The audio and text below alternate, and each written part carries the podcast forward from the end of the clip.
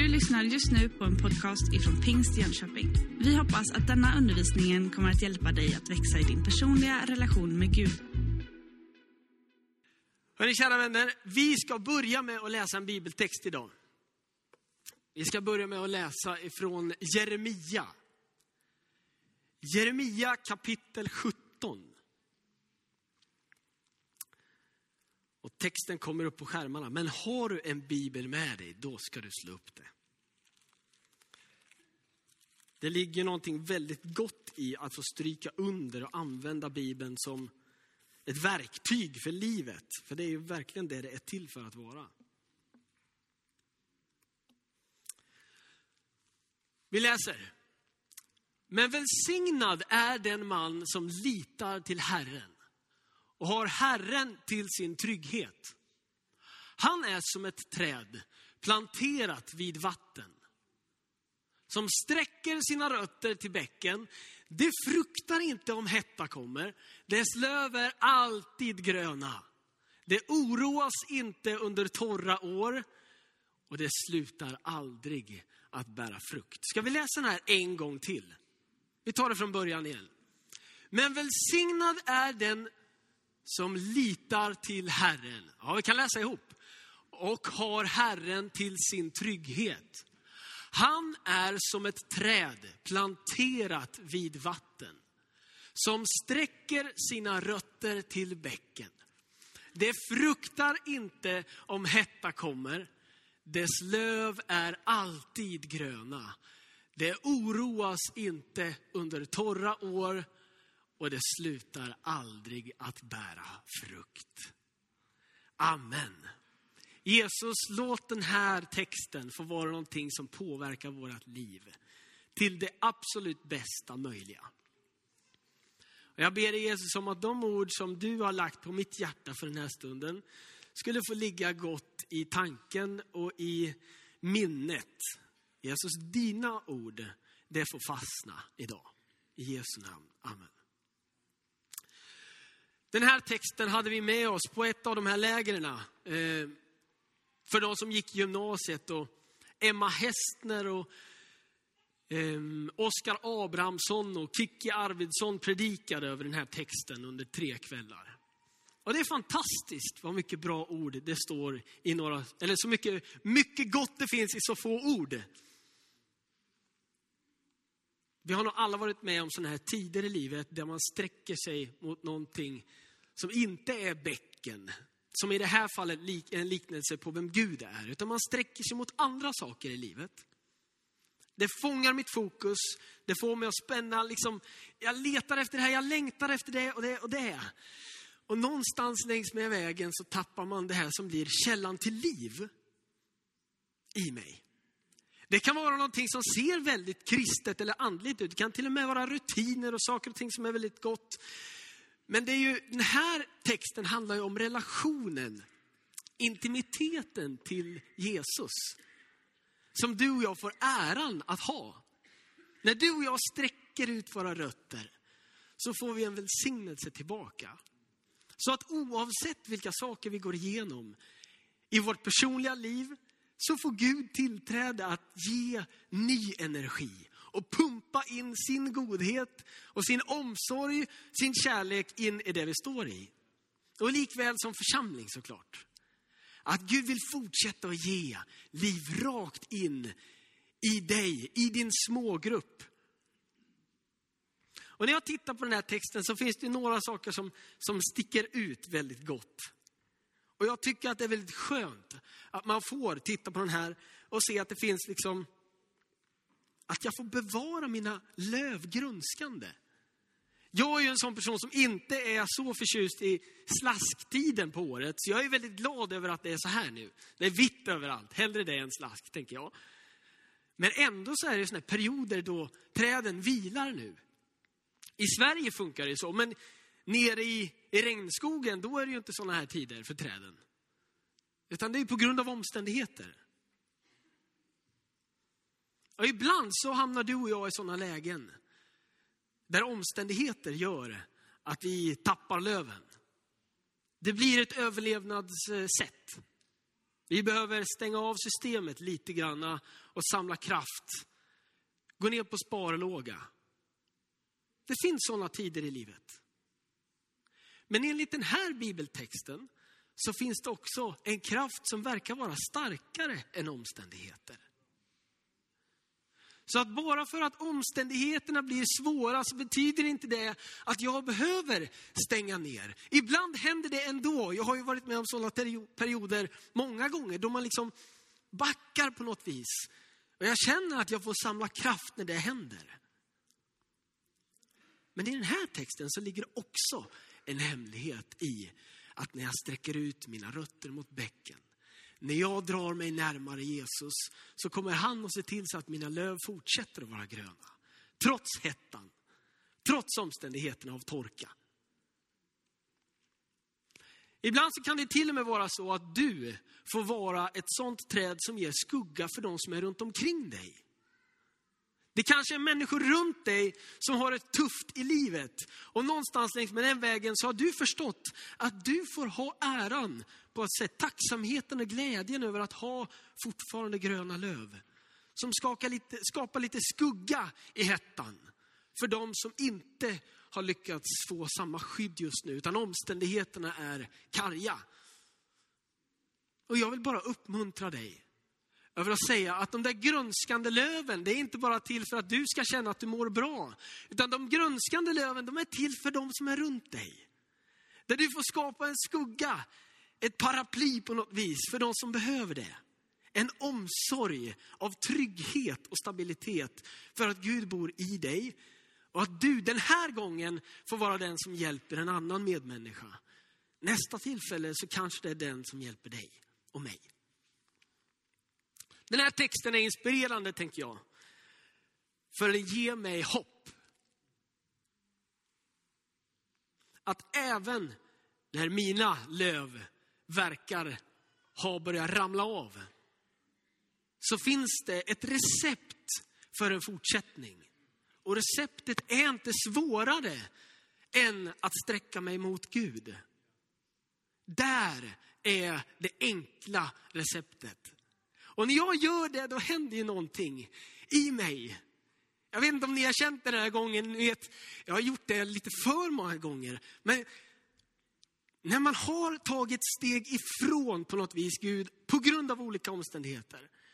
När man sen kommer tillbaka till honom så är det ju som att man känner det när livet börjar komma igenom hela kroppen och fylla min ande och själ och kropp. Och det blir så inspirerande för att jag känner Gud, du är verkligen Gud som, du är verkligen den som älskar mig. Så jag tänker det att det du och jag får vara med om när vi öppnar upp igen, när vi sträcker ut våra rötter mot bäcken, så är det gång på gång en aha-upplevelse om Guds godhet.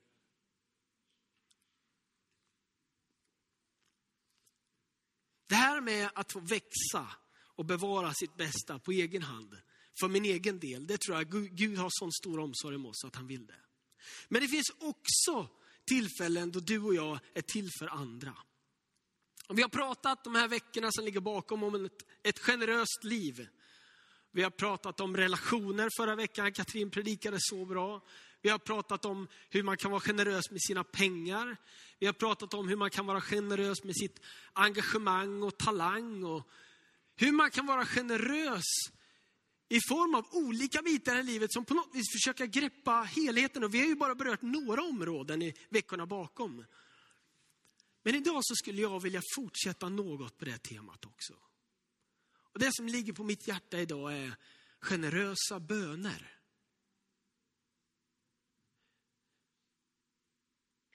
När du och jag hittar ett generöst böneliv som inte handlar om mitt och mina Gud är otroligt intresserad av det också, det har jag förstått.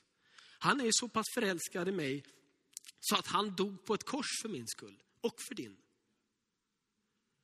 Och så säger han att vi får göra våra önskningar hörda inför honom genom bön och åkallan tacksägelse. Så han vill veta vad du har på ditt hjärta, vad som ligger närmast dig. Han vill ge det du behöver. Han vill att du är ärlig i det. Men han vill också, tänker jag, inspirera dig och mig till att be böner som inte handlar om mitt och mina. Utan som handlar om de andra. Din nästa. Vem det nu kan vara som du tänker på behöver dina förböner just nu. Är det några som du har nära dig på jobbet? Är det någon i din klass? Är det någon som är mobbad på skolan? Är det någon som har det riktigt tufft hemma? Är det grannar? Kanske människor i din närhet som ligger i skilsmässa och familjen har det tufft. Det kanske är barn som har det riktigt jobbigt med att sätta diagnoser eller någonting annat. Vad det än kan vara som finns i din närhet. Vilka behöver din förbön? Och hur allvarligt tar du och jag på det ansvaret? Att få vara med och be generösa böner för andra. För tänk om det är så att om du ber en bön och Gud vill svara på den så kan din granne, din vän, din nästa få ett bönesvar. Här i fredags så hade vi en bönekväll med ungdomarna. Vi gjorde i ordning, vi riggade om hela scenen här. Vi gjorde om hela kyrktorget. Vi jobbade in i kaféet en del, men mest kyrktorget och här gjorde vi ordning. För igår kväll så var det Reunite. Igår kväll så var det en återträff efter konferensen, nyårskonferensen Unite. Ett 300-tal, strax över 300 någonstans var det som dök upp igår. Och antal är ju alltid spännande att prata om sådär. Åh, hur många var det och allt det här. Det är ju intressant på något vis. Men jag är bergsäker på att Jesus är så mycket mer sugen på att veta vilka som var här. Eller hur? I fredags när vi bad böner och gick runt här, vi bad för förbönsplatsen som var där, ställde vi oss i en stor ring runt hela området. Vi stod här uppe och bad, så gick vi ut på kyrktorget och bad och så stod vi vid entrén och bad. Och när vi var vid entrén och bad så bad vi om att Gud, det vore fantastiskt om du ville skicka hit människor som inte hade planerat att komma. Om du ville dra hit människor som bara går förbi imorgon och råkar ramla in. Och så bad vi sådana böner. när vi hade bett färdigt, då vart ju folk lite varse om att det redan stod lite folk mitt i entrén där och pratade vid infodisken. Som inte hade tänkt att vara där. De hade bara ramlat in och hörde våran bönestund. Det var snabba bönesvar. Men det var också så att under gårdagen så mötte jag flera stycken som bara, alltså jag hade inte tänkt komma men jag fick en känsla av att jag skulle komma hit idag. Och så bad vi om att de skulle få med sig någonting väldigt gott hem härifrån. Jag tänker så här, när du och jag faktiskt ber böner som blir konkreta så kan ju det faktiskt hända, eller hur? Jag vill bara peppa alla er ungdomar som var med och bad de här bönerna. Jag vill bara säga att de funkar. Och så önskar jag att du och jag skulle våga be oftare för dem vi har i vår närhet. Jag tänker på en särskild man i Bibeln som har inspirerat mig gång på gång. Han var flykting till att börja med.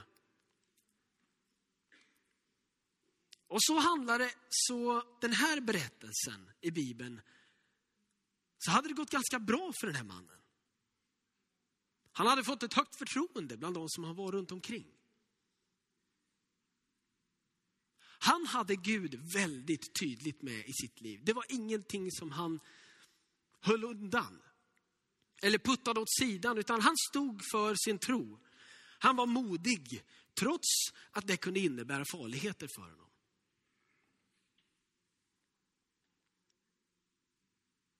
Vid just det här tillfället så hade kungen i landet bestämt sig för att han behövde medhjälpare för att hålla ordning på allting.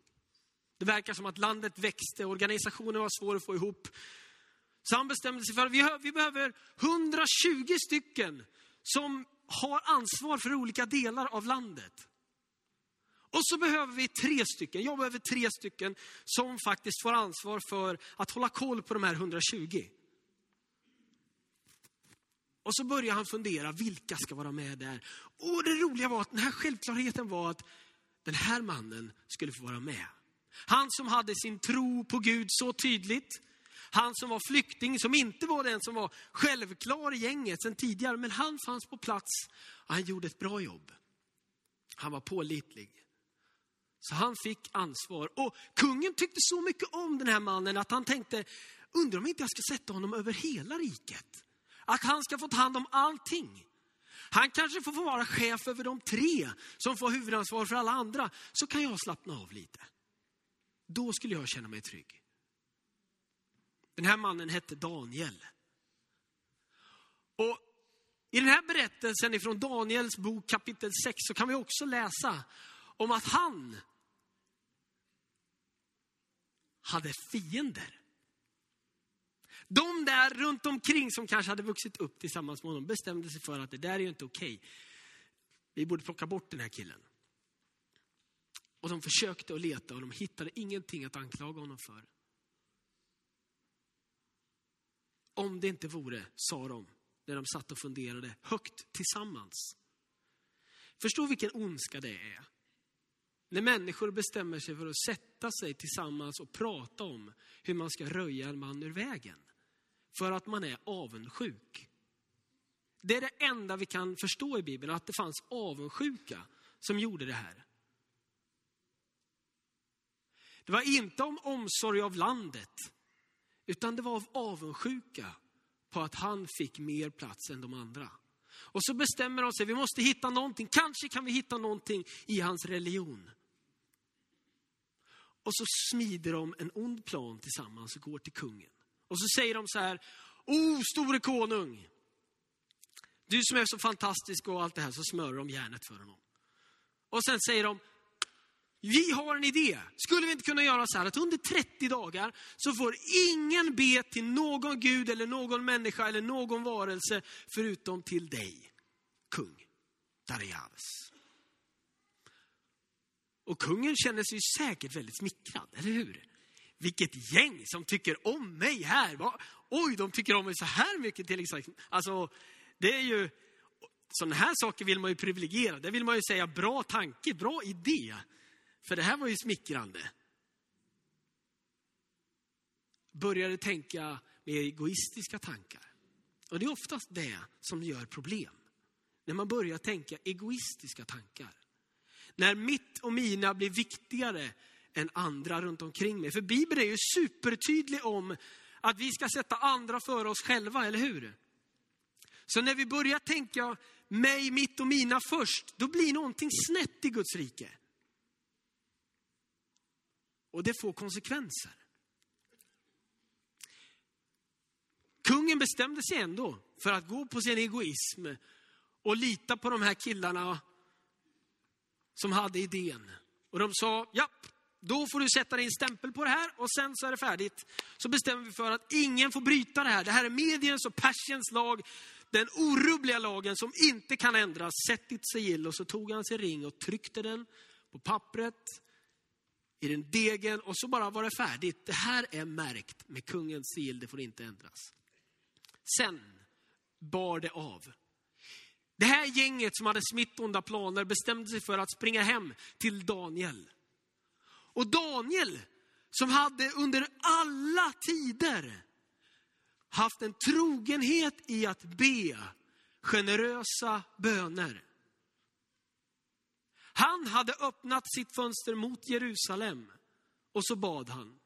Det verkar som att, som att Daniel inte bara bad för sig själv, där han var i Babylonien, utan han bad för andra platser också.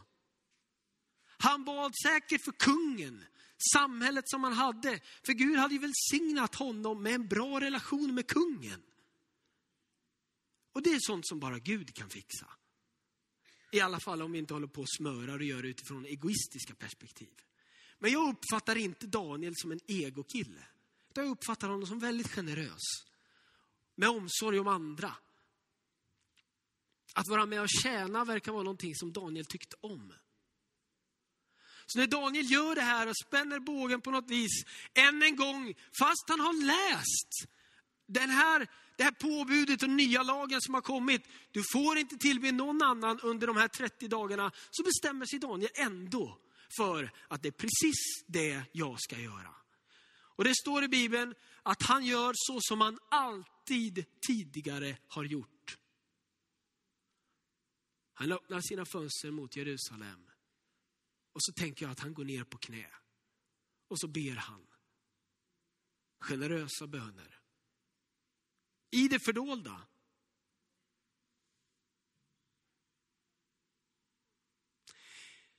Ibland så är det faktiskt så att du och jag, vi får betala någonting i det offentliga för någonting som händer i det fördolda.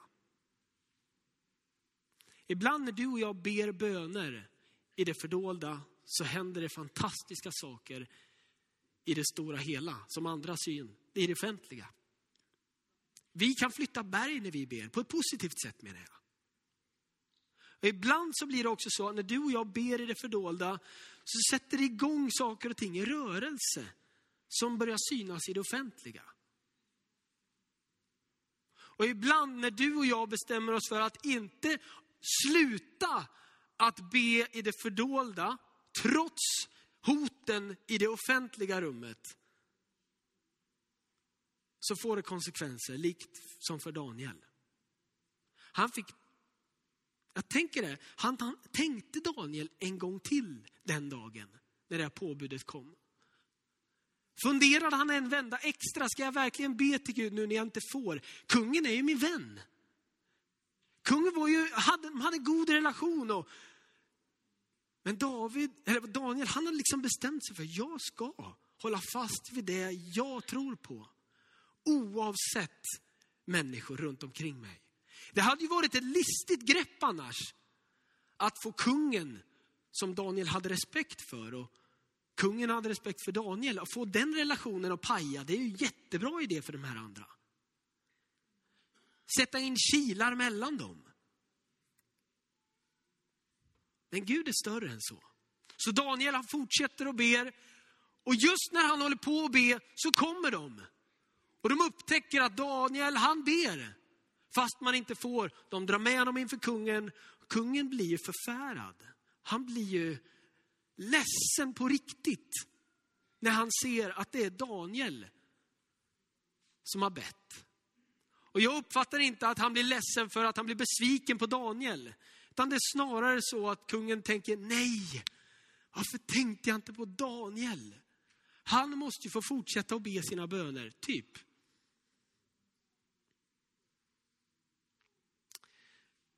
Daniel kastas i lejongropen, för det var straffet som fick. Han kastas i lejongropen och där är tanken att han ska dödas och ätas upp, typ. Men som många av er vet så klarar sig Daniel den där morgonen efter. Kungen, han är, jag skulle säga att han är orolig hela natten. Och på morgonen när det är dags för honom att komma dit igen så drar han sig dit tidigt. Jag vet inte om han fick sova en blund. Och han ropar med ängslan i rösten. Daniel, är du där? Daniel! Daniel! Och så väntar han på svar och han får ett svar. Daniel säger, jag är här och konung. Gud har täppt igen käftarna på lejonen och jag lever. Och så får han komma upp ur lejongropen. Och den där mobben, tänker jag, som försökte sätta dit Daniel, de måste ha varit grymt besvikna. Men också otroligt förvånade. Eller hur? Otroligt förvånade. När jag tittar på den här berättelsen så finns det flera saker som man kan lära sig. Att Daniel han fortsätter att be generösa böner oavsett tryck utifrån. Ibland så kan trycket utifrån förändra ditt och mitt bönesätt. Ibland så är det just trycket utifrån som sätter igång våra böner. Och det är precis det som är tanken, tänker jag. Guds tanke med livet är att vi ska dra oss närmare honom. Jag tänker också att Daniel hade uthålliga böner. Så som han alltid hade gjort bestämde han sig för att fortsätta göra. Han bestämde sig för att sätta andra före sig själv. Han bestämde sig för att inte låta hans egen egoism ta plats. Till skillnad från kungen.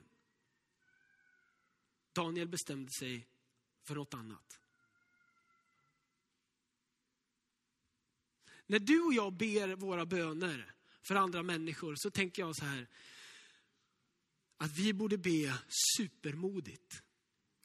och väldigt konkret. För tänk om det, vågar, tänk om det skulle hända. Jag vill bara peppa dig idag. Att när du ber böner, likt Daniel gjorde, som är generösa böner för andra, så kommer Gud ta hand om det som är ditt problem också. Ibland så behöver vi just lyfta blicken till andra människors behov för att inte stirra oss, stirra oss blint på det som är mitt eget behov primärt. För att lyfta blicken, för att se att Gud är större. När vi var i Alperna och åkte omkring där på skidor så är det väldigt lätt att man åker i backen och man har väldigt mycket koncentration på vart jag ska sätta min sväng någonstans. För ibland så blev det ju så att det blev ju kullar mitt i backen av snö. Om man inte tittar vart man åker, då är det ju väldigt lätt att man ramlar omkull och liksom druttar. Bällar, som man säger. Men när man åker i Alperna, då är det också någonting som gör att de där kullarna som jag ser framför mig blir otroligt små. Oavsett om de är väldigt stora så blir de otroligt små när jag lyfter blicken. För bergen är så otroligt mycket större. Eller hur? Hela vidderna som ni såg där, så är det ju alltid när man kommer upp på en bergstopp. Man ser längre. Även om jag håller på att klättra upp och nästa steg blir tungt, nästa steg blir tungt. Så när vi lyfter blicken så får vi ett annat perspektiv. Och jag vill bara inbjuda dig idag, oavsett omständigheter, att lyfta din blick idag. Att, hjälp, eller att ta hjälp av Jesus att få lyfta din blick mot honom. För han är trygghet. Han är stabilitet. Han är den som ser till så att dina löv fortsätter att vara gröna. Han är den som kommer ge dig vad du behöver. Oavsett omständigheter eller storlek på kulle framför dig nu. Gud har perspektiv. Han har bestigit många berg som är större. Det säger jag inte för att förminska vad du går igenom nu. Utan för att Gud är Gud och har varit med i alla tider. Och han har hjälpt människor över berg, genom dalar. Han har hjälpt människor som har varit tvungna att ta sig över vatten och över eld och över allt möjligt som känns där bilder, metaforer på kaos i livet. Han har varit med och fört dem vidare. Och han har lovat i sitt ord att han är med dig alla dagar in till tidens slut. Så han kommer aldrig släppa taget om dig. Han kommer alltid vara nära dig. Han kommer aldrig ge upp på dig och mig. Och låt den inspirationen få prägla dina och mina böner för andra. Så när vi ber så har vi samma känsla. Min mamma, hon är en sån här riktig bönekvinna och ett, ett till sånt här föredöme som jag har i mitt liv. Eh, och det har jag ju med min pappa också. Min mamma hon ber och har, har liksom haft vänner som hon har bett för i, i kanske 20 år. Och inte gett upp. Och för mig, du vet, i mitt perspektiv när jag vuxit upp och var tonåring, så bara 20 år.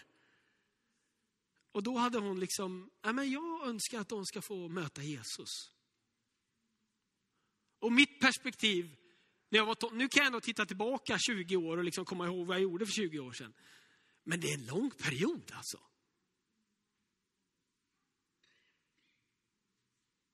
Människor som inte var i närheten av Gud innan. Som får förböner under många år. Det händer saker i deras liv. Och när jag får titta tillbaka på dem nu så ser jag att jättemånga av, eh, eller ja, många ska jag ändå säga, har fått en tro på Jesus. Har fått berättas för sig om Jesus, har fått gå en alfakurs, har fått höra vem Gud är och blivit inspirerade av andra människor runt omkring som verkar be böner som blir besvarade. Får en förståelse för att det här är på riktigt. Och jag vill bara peppa dig att inte sluta be. Sluta inte be för församlingen. Sluta inte hoppas på mirakel för din vän. Sluta inte be för din nästa. För om vi är uthålliga, säger Galaterbrevet 6 och 9, så kommer vi få skörda. Vi ska avsluta med att läsa ett bibelord till. Oskar, vill du lägga upp det på skärmarna så ska vi läsa här. ifrån Markus evangeliet 2 och 17. Och jag tycker det är så skönt, för det här är för mig att lyfta perspektivet ifrån mitt eget ibland när jag läser den här versen. Jesus hörde det och sa till dem, det är inte de friska som behöver läkare, utan de sjuka. Jag har inte kommit för att kalla rättfärdiga, utan syndare. Jag har inte kommit för att kalla rättfärdiga, utan syndare. Människor i din närhet som kanske tycker att vi är duktiga och man ska vara en duktig kristen. Jesus, han, han kom inte för din och min skull först och främst på det viset. Han kom för den som är förlorad. Han kom för den som du saknar idag på gudstjänsten kanske. De som du vet har ett behov och måste få det mättat. Jesus öga är inte först och främst, du vet, han har ju också en kropp som kan tänka på mig, mitt och mina, eller hur? Har ni tänkt på det? Att Jesus har ju också Kristi kropp, församlingen, det är hans kropp. Om hans böner bara skulle vara för sin kropp, då skulle han också ha ett egoperspektiv, eller hur? Om vi skulle följa det och bara be för oss och vårt, så skulle det också bli egoism. Men Jesus han sätter ett annat perspektiv.